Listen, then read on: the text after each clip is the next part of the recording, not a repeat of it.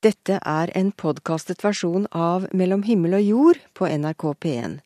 Vi har kun anledning til å legge ut de innslagene som ikke inneholder musikk. På, en måte så ble jeg ikke berørt. Jeg, hadde, jeg skulle forvente at en knakk sammen og ble lei seg, og at gråten skulle komme, men den kom aldri. Ikke før denne dagen jeg var oppe på sykehjemsrommet i lag med pappa og fortalte dette her til han. Da kom gråten. Og hva det var far fikk høre? Jo, det får du vite her hos oss snart. Margrethe Nåvik heter jeg. Er du usikker på hva slags parti du skal stemme på i morgen? Heng med oss. Vi tilbyr nemlig nødhjelp for tvilere. Altså Hvis du, hvis du er liksom helt 100% sikker på at det er dette som er rett for meg, da, da, da tror faktisk, da stiller jeg spørsmål. Da mangler du litt ydmykhet og åpenhet i forhold til det. Det begynner vel å bli klart for de fleste av oss at uh, i morgen, mandag 9. september, er dagen for stortingsvalg. Ved forrige stortingsvalg for uh, fire år siden så var det om lag 25% av befolkningen som lot være å bruke sin stemmerett. Kanskje ble det for vanskelig for mange å velge ett parti? Om du fremdeles er i sterk tvil. Hvem er det som skal få din stemme i morgen? Så kan du få litt nødhjelp herfra. Ved de mange valgbodene som står i Trondheim, så er det ikke vanskelig å finne usikre velgere på jakt etter svar. Så jeg skal hjem og se på papirene nå, så får vi se hva det blir til. Ja, jeg har stort sett stemt på noenlunde de samme, men ikke helt. Sånn skifter litt fra litt. Men ikke, jeg har ikke skiftet over den store grensen, har jeg ikke. Jeg vet ikke, det er jo det er jo veldig mange som egentlig ikke setter seg noe inn i stortingsvalg. Jeg tror de bare velger på det de er det som er vant med, skulle jeg si. Så partiene er ganske like, og det er klart at det er veldig mye likt i alt. Og du skal finne noe som interesserer deg i et partiprogram, så det er klart det finner du på flere partier, så det er veldig vanskelig. Men man bør ta valget. Man bør ta valget, mente denne herren ved valgbodene i Trondheim sentrum. Men hva om tvilen fortsatt er sterkere enn troen dagen før dagen. Jeg stakk innom Trond Haukedal i Bergen. Han er psykolog, motivator. Han har lang erfaring med å snakke med folk om å ta valg. Ta konkrete avgjørelser.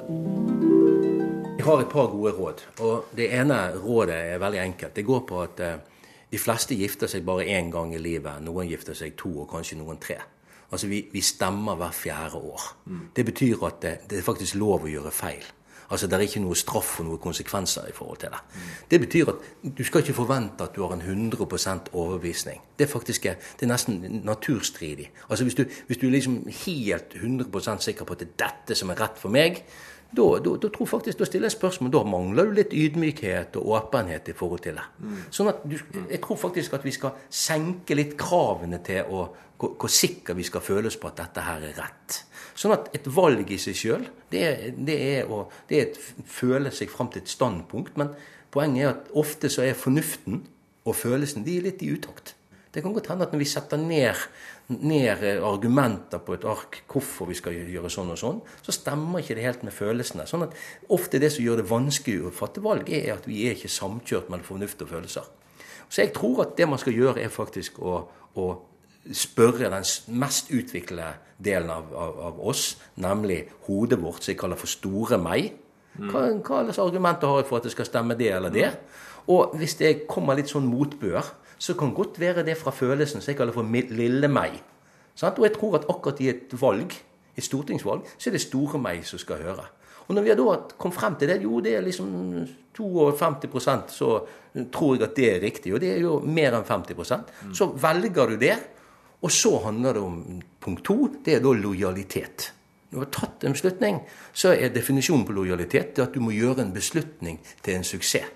Du må klappe deg sjøl på skulderen og si at 'godt valg, god bestemme, nå har du gjort en god avgjørelse'. 'Dette her, dette var bra'. Altså Du skal klappe deg på skuldrene og forankre dette her, istedenfor å si 'ja, var det noe riktig'? Hvis du åpner opp en bakdør og tviler igjen, da, så blir det bare tull ut av det. Ja. Den 9. september så var det det som var riktig for meg. Så tok jeg det valget, knipse med fingrene og levere stemmen, og så ferdig med det. Og så er det faktisk lov som menneske å skifte mening. Jeg tror faktisk det er et av de trekkene som både politikere og andre mm. kunne. At det innser at det, alt er ikke 100 rett eller 100 galt. At det faktisk er lov å skifte mening om saker og ting. Forstår du at det er litt vanskelig for de som ikke klarer å bestemme seg? Ja, helt klart. Det skjønner jeg. Har du noe råd til de da? Eh, sett dere inn i politikken. Gå inn på nettsidene og spør oss som er ute på gata og deler ut materiell og sånt. Mm. Interesser seg. Vær nysgjerrig. Men man bør ta valget. Hvorfor er det så viktig, da? Jo, det, Ellers så er det jo mindretallet nesten som eh, bestemmer. Altså Når 30% ikke gidder å gå, så er det skremmende. Det er likegyldighet. Og en annen ting er jo at eh, de som ikke stemmer, de kan heller ikke klage på noe etterpå. Ja, alt dette er jo for så vidt greit. Men om det er slik at tvilen likevel fremdeles gnager, og uvissheten er stor, men du ønsker tross alt å ta en avgjørelse. Har da psykolog Trond Haukedal nødhjelp, tvilerens nødhjelp? Jeg tror at eh, det man skal gjøre hvis man virkelig sliter med å finne ut hva man skal gjøre, eh, hva man skal stemme i morgen, så handler det om at jeg tror at alle mennesker innerst inne i dag så har de et parti, eh, noen de vil stemme på, ikke kjenner nærmest altså Kall det magefølelse. Jeg tror at magefølelsen sitter i hodet. Så jeg tror at det handler om å bestemme seg for jeg stemmer det i morgen. Tviler han i å stemme for å bli permittert. Altså Når vi har gått frem til dette, det er dette som er nærmest, det er dette som føles naturlig, så, så, så, så, bestemmer vi oss for det. Og så prøver vi å holde støyen og alt dette andre inntrykkene som forvirrer oss i ettertid, holde den vekke.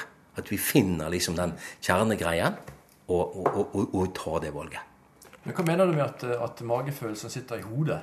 Nei, altså jeg er psykolog, og, og jeg opplever jo det at eh, altså når folk, når folk, har opplevd vonde ting i livet sitt, så vil jo følelsene bli skadet av dette.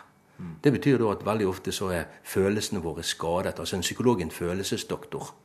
Men de samme menneskene som da kan ha blitt påvirket av, av opplevelser av ting, vonde ting i livet sitt, da, de er ganske klare i hodet og fornuftige. Mm. Så jeg sier det at, at, det folk kaller for magefølelsen, intuisjonen, altså det, kanskje det riktige svaret, det sier ikke følelsene, sitter ikke i følelsene. Det, det, det, sitter egentlig i hodet, så det er hodet vi må spørre. Et eksempel på det var at jeg skrev hovedoppgave om kvinnemishandling. Og mange av disse kvinnene, når de endelig blir kvitt eh, sin slemme mann, og brøt ut av mishandlingsforholdet, så fant de seg en ny slem mann.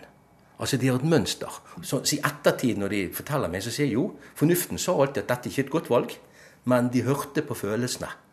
Og jeg tror at vi blir, vi blir hektet på, forelsket og dradd mot en følelse, ikke en person. Og så blander vi kortene. Så jeg har veldig sånn appell til at vi må høre litt mer hva er det fornuften sier. Ja. Har du tenkt å ta en bestemmelse? Ja, vi har jo gått rundt i gata her nå for å, å hørt meningene til de forskjellige partiene. Og det gjør jo det litt lettere. Ja. Er, det frustrerende å, å, ikke være helt sikker? Ja, det er jo det. Uh, uh, men nå begynner jeg å bli ganske sikker, da. Det blir vel uh... Takk skal du ha. Ja, tusen takk. ja, et, et, et, altså et, dårlig valg er bedre enn intet valg. Jeg tror faktisk det å, å mene noe og, og, ta et standpunkt osv., det er faktisk uh, mye bedre enn likegyldigheten som man på mange måter blir en representant for hvis man blir sittende hjemme i sofaen. Og så kan heller, kan heller uh, skifte mening og, og gjøre et, si at neste gang skal jeg gjøre noe annerledes. da. Men man har vært aktiv, man har brukt sin borgerrett, man har stilt opp for seg sjøl og landet sitt. Får man noe gevinst i, i, følelseslivet sitt? Ja, man gjør faktisk det. Fordi at Ola Nordmann er et ordentlig menneske. Eh, men skal vi føle oss ordentlig, så må vi oppføre oss ordentlig. Og jeg tror faktisk at folk flest vet at det å bruke sin borgerrett, det er å oppføre seg ordentlig. Det er å ta ansvar. Og når vi har gjort det, så går vi fra valglokalet med en veldig god følelse. Det sier Trond Haukedal, som også mener at et dårlig valg er bedre enn ikke noe valg. Det var Ove Gundersen som snakka med psykologen. Det skal fortsatt handle om å ta valg her hos oss, for hva gjør du når du har flytta ut fra heimbygda, etablert deg med kone og barn og jobb, og får telefon om at far har fått hjerneslag? Det var det her som skjedde med Noralf. Etter musikken hører vi han fortelle. NRK P1. I de kommende minuttene så er det Noralf Pedersen som er hovedperson her hos oss. Hans historie handler om å ta et valg, den også. Jeg møtte eh, Noralf i sommer, og noen uker etter at vi gjorde det her opptaket, så døde faren hans. Men eh, både han og familien vil gjerne at vi skal sende det her innslaget. For det her er en viktig sak, sier dem. Hvorfor har ingen politikere i denne valgkampen heller snakka om de pårørendes rolle i eldreomsorgen? Hvorfor snakker ingen om å legge til rette for at folk som har eldre foreldre eller eh, syke ektefeller, skal kunne trå til der det trengs? La oss nå ta deg med noen år tilbake, til Vikabukta i Sognefjorden. Noralf og far har stått tidlig opp for å trekke opp garnet de satt i går. Nå står tiåringen på kne i båten. Med eh, hendene på, på ripa og kikker utfor og ser om det kommer fisk opp gjennom sjøen. Og kanskje har vi fått øh, fem seier og to torsker og kanskje ei flyndre til og med. Og pappa har dratt opp garnet, og jeg gror inn igjen mot land. Og pappa sitter på på aktertofta, har lagt fra seg sjøhanskene sine og nynner og er fornøyd. Og kanskje har sola kommet opp over, over fjellet hjemme i Vik.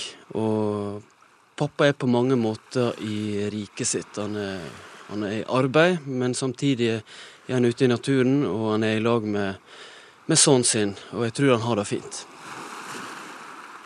Noralf får lengre bein, mørkere stemme, hår i ansiktet. Alt går som normalt. Han flytter ut av bygda, skaffer seg en utdannelse, en jobb, og får sitt første barn. Nummer to er på vei når han får beskjeden. Far har fått et alvorlig hjerneslag. Alt snues på hodet. Brått er det far som trenger sin sønn. Det blir mange telefoner mellom Førde og Vik. Eh, jeg jobber som journalist i lokalradioen i Sogn og Fjordane. Og eh, hadde eh, tidspress. Jeg måtte få redigert ferdig en sak. Og mamma ringer meg på jobb, og jeg merker at jeg blir irritert. Hun vet jo at jeg har det travelt, og jeg tenkte, så hvorfor forstyrrer hun meg nå? Da er de i en vanskelig situasjon hjemme.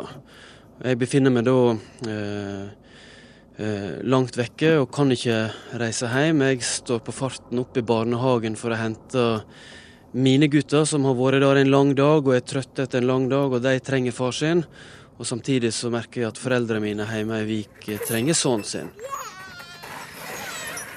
Han må så å si velge gi omsorg til sine barn eller til sine foreldre. Kan løsninga være å flytte tilbake til Vik? Noralf har en god jobb. Det har kona også. Familien er etablert i Førde.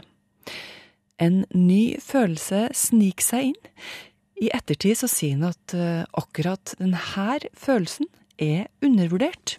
Ja, Plikt er jo et særdeles umoderne begrep i våre dager. Og jeg tror det er professor Jan Inge Sørbø som sier da at uh, plikt det er et ord som er så spisst at det kan stikke seg på det.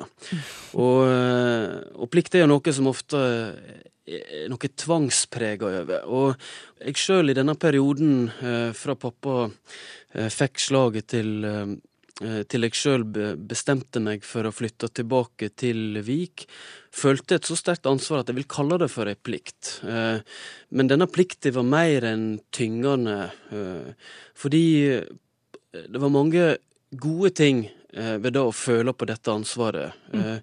eh, ting var at jeg eh, ble kjent med far min på nytt. Jeg ble mer klar over de mer såre sidene ved han. Jeg fikk, innsikt i, jeg fikk innsikt i hvordan han har hatt det, og hvordan han har det på en helt annen måte enn jeg har hatt før. Og det, det, det har vært en stor verdi for meg. Valget blir tatt på etterjordsvinteren for ett og et halvt år siden. Det er lørdag formiddag. Noralf og kona har nyheter på gang. Mor er invitert på kaffe. Jeg fortalte at jeg hadde blitt litt, eh, litt skranten, men hun måtte bare komme inn. Jeg trodde ikke det var noen fare for at hun skulle bli, skulle bli smitta. Så hadde jeg sett på kaffen på forhånd, fordi mor mi er sånn at hun ikke vil være til noe bry. Så, men jeg vet at hun liker kaffe, så da hadde jeg sett på forhånd sånn at jeg ikke skulle få anledning til å si at hun ikke, at ikke, måtte, at hun ikke ville være til noe heft. Så vi setter oss på kjøkkenbordet, og jeg skjenkte kaffe. Og jeg gikk rett på sak og fortalte til mamma at, at uh, vi hadde bestemt oss for å flytte hjem til sommeren. Og da ble mamma helt stille.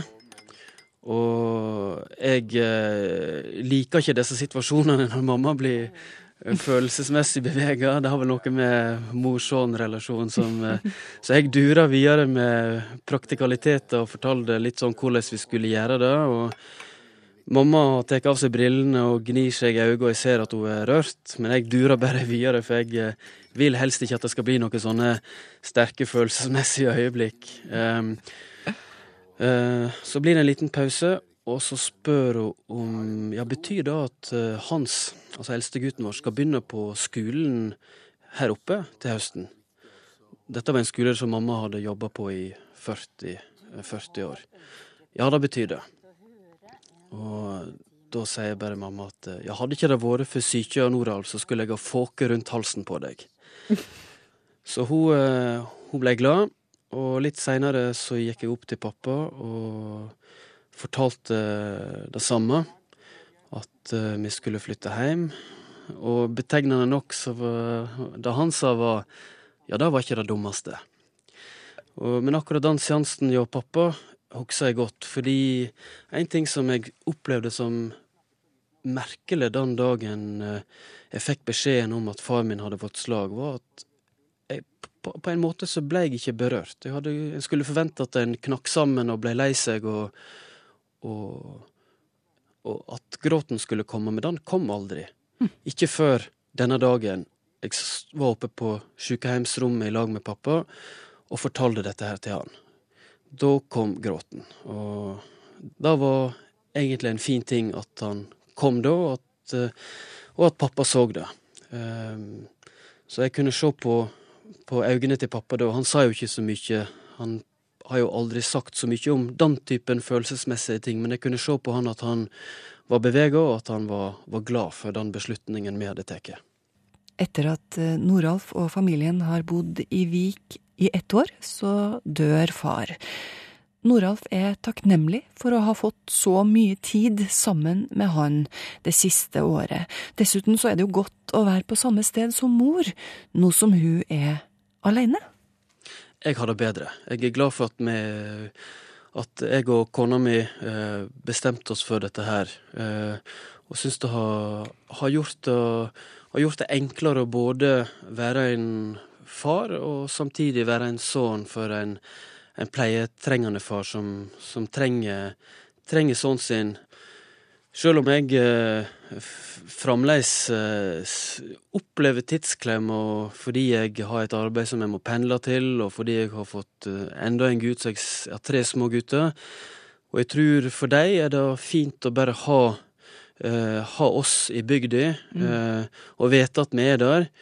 Og, og, og, så får vi se hverandre mye mer enn vi gjorde før. Og, så sånn sett så har livet på mange måter blitt rikere. Uh, du skriver òg i boka di at uh, du ikke bare ble kjent med far på en ny måte, du ble kjent med deg sjøl på en ny måte. Du oppdaga noen egenskaper ved deg sjøl som du ikke var klar over. Hva kunne det være? Det jeg oppdaga, var at jeg kunne hjelpe far min eh, på en måte som jeg kanskje ikke trodde at jeg kunne hjelpe han uh, mm. før dette her skjedde. Mm. Uh, at jeg hadde At det bodde ting i meg som jeg uh, ja, Som jeg ikke hadde sider ved meg sjøl som jeg ikke hadde, hadde brukt. og da å sitte med en fortvila far og prøve å sette mot i han og prøve å forstå hvordan han har det og, og hjelpe han gjennom måte, vanskelige tider. Mm. Det henter fram egenskaper i meg som jeg ikke, ikke, visste at jeg hadde. Så jeg føler at jeg sitter igjen med mer innsikt i, i, i hva det vil si å, å bli skrøpelig og trenge pleie og trenge denne her tålmodige, følelsesmessige støtten og hjelpa som, som far min trengte i perioder. Det sier Noralf Pedersen, som altså sammen med familien flytta tilbake til heimbygda Vik i Sogn, for bedre å kunne ta vare på flere i storfamilien. Dette opptaket ble altså gjort før far til Noralf døde i sommer. I boka si Når far trenger meg, kommer Noralf med en sterk oppfordring til oss alle om å snakke snakke om pårørendes rolle i eldreomsorgen. Et forsømt kapittel, sier han, også nå i valgkampen. Jeg er ennå ikke kommet så langt så jeg vil definere meg selv som lykkelig. Men øh, jeg lever livet i dyp harmoni, og i det jeg opplever en enorm vekst i min bevissthet. Bent fant fram til sjelefred, i hvert fall nesten. Det var ikke ved å leve på stor fot, det får du høre mer om om litt. Jeg fant forresten en forklaring på hvor det her uttrykket 'å leve på stor fot' kommer fra her om dagen. De, de, sier det i Russland også, og Italia og Tyskland og Spania, men ikke i England, visstnok. Og det er litt pussig, for uttrykket stammer fra Britannien. Kong Henry 4. han eh, hadde noen slags sykdom på den ene foten sin, vondt i tåa og måtte ha veldig lange sko, sånn at det ikke trykka foran der. Det gikk som det måtte gå, det ble en voldsom etterspørsel etter sko med ekstremt lange tær. For gikk du rundt med fottøy som ligna på kongen sitt, så var det klart, det ble et signal til omverdenen om at du var en nobel og velstående person. Det her tok helt av. James så at Jim hadde fått lengre skospisser enn han. James måtte gå og kjøpe lengre sko, og så så Jim at James hadde fått lengre skospisser, og da måtte Jim gå og kjøpe lengre sko. Ja, du skjønner. Det her utarta såpass at kong Henry tenkte et sted må grensa gå. Det, det ble jo både upraktisk og lite miljøvennlig. Han allierte seg med paven, og det ble nedlagt forbud mot sko med spiss lengre enn 60 centimeter. Skal ikke garantere sannhetsgehalten i denne historien, men hvis du går inn og søker på sko fra 1400-tallet, så kommer det opp noen ganske interessante bilder altså, av sko med veldig, veldig lang tåspiss. Er du på søken etter sjelefred, så er det ikke så sikkert at du finner den gjennom å bla opp verken hundrelapper eller tusenlapper. Bent Madsen har funnet sjelefreden, etter at han og samboer Dagfrid flytta til det lille småbruket på Osterøy nord for Bergen, så var det mye som falt på plass. Her eh, er det ingen biler, ikke engang vei helt fram. Og når han rigger seg til i det sekskanta drivhuset med utsikt til sjøen og de syv blåner, så er det bare naboens sauer utenfor som bryter stillheten. Kontrasten er stor til livet han en gang levd? Jeg har hatt mange år jeg har jobbet som ingeniør. Jeg har hatt mange år hvor jeg har vært direktør for øh, øh, grossistfirma. Jeg har hatt fabrikk, produksjonsfabrikk. Men det her her er det ro i tilværelsen. Øh, det er ikke noe det her konkurranse lenger. Det å være fri for konkurranse være fri for markedsføring, være fri for alle de ting som vi er blevet præget inn via vår kultur. Uh, alle de ting som vi trodde var nødvendige for å være såkalt vellykket. Når vi virkelig innser at det er ren illusjon alt sammen, og gir slipp, så får vi mulighet til å få fatt i det det virkelig gir livet verdi. Og den mulighet har vi her på gården. Da jeg var barn, da er jeg født på en lille gard. Øh, og den gang der var det nesten ikke engang biler. Og det var faktisk lige så afsondret som her. Men det var det danske landskap, og det var flatt, og det var horisont.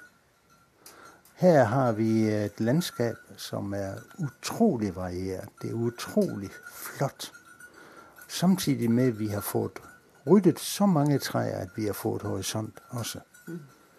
Og Derfor elsker jeg å se presis hvor jeg sitter nå.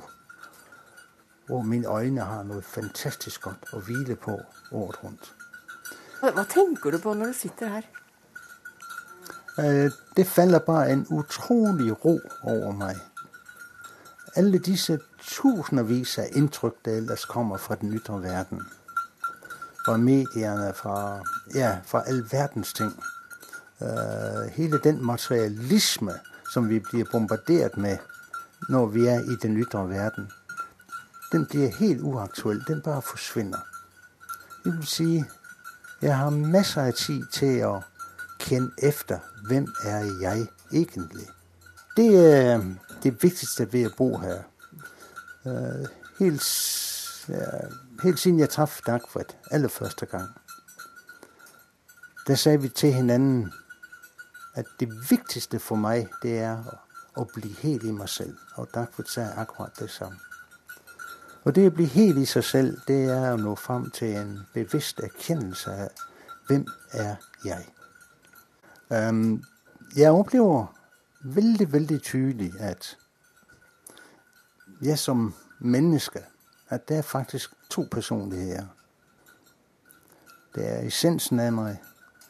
Kall det sjelen, kall det hva du vil. Det er en essens som er evig og alltid har eksistert, og som i grunnen er alvine og er en del av det guddommelige. Som i en periode har fått lov til å slå seg sammen med, kall det et human øh, øh, vesen, som også har sine egne personligheter og sine egne instinkter.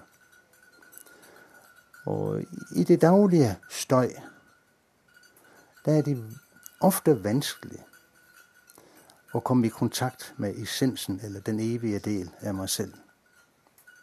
Det, har, det jeg har mulighet for her, det er å øke den kommunikasjon det er mellom, kall det mitt høyere selv, min evige part, min essens, og så den tredimensjonelle uh, human vesen, som, som, har sine behov og sine personligheter.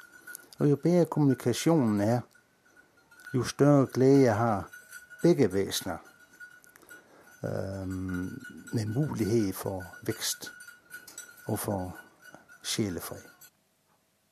Er du lykkelig hele tiden? Nei.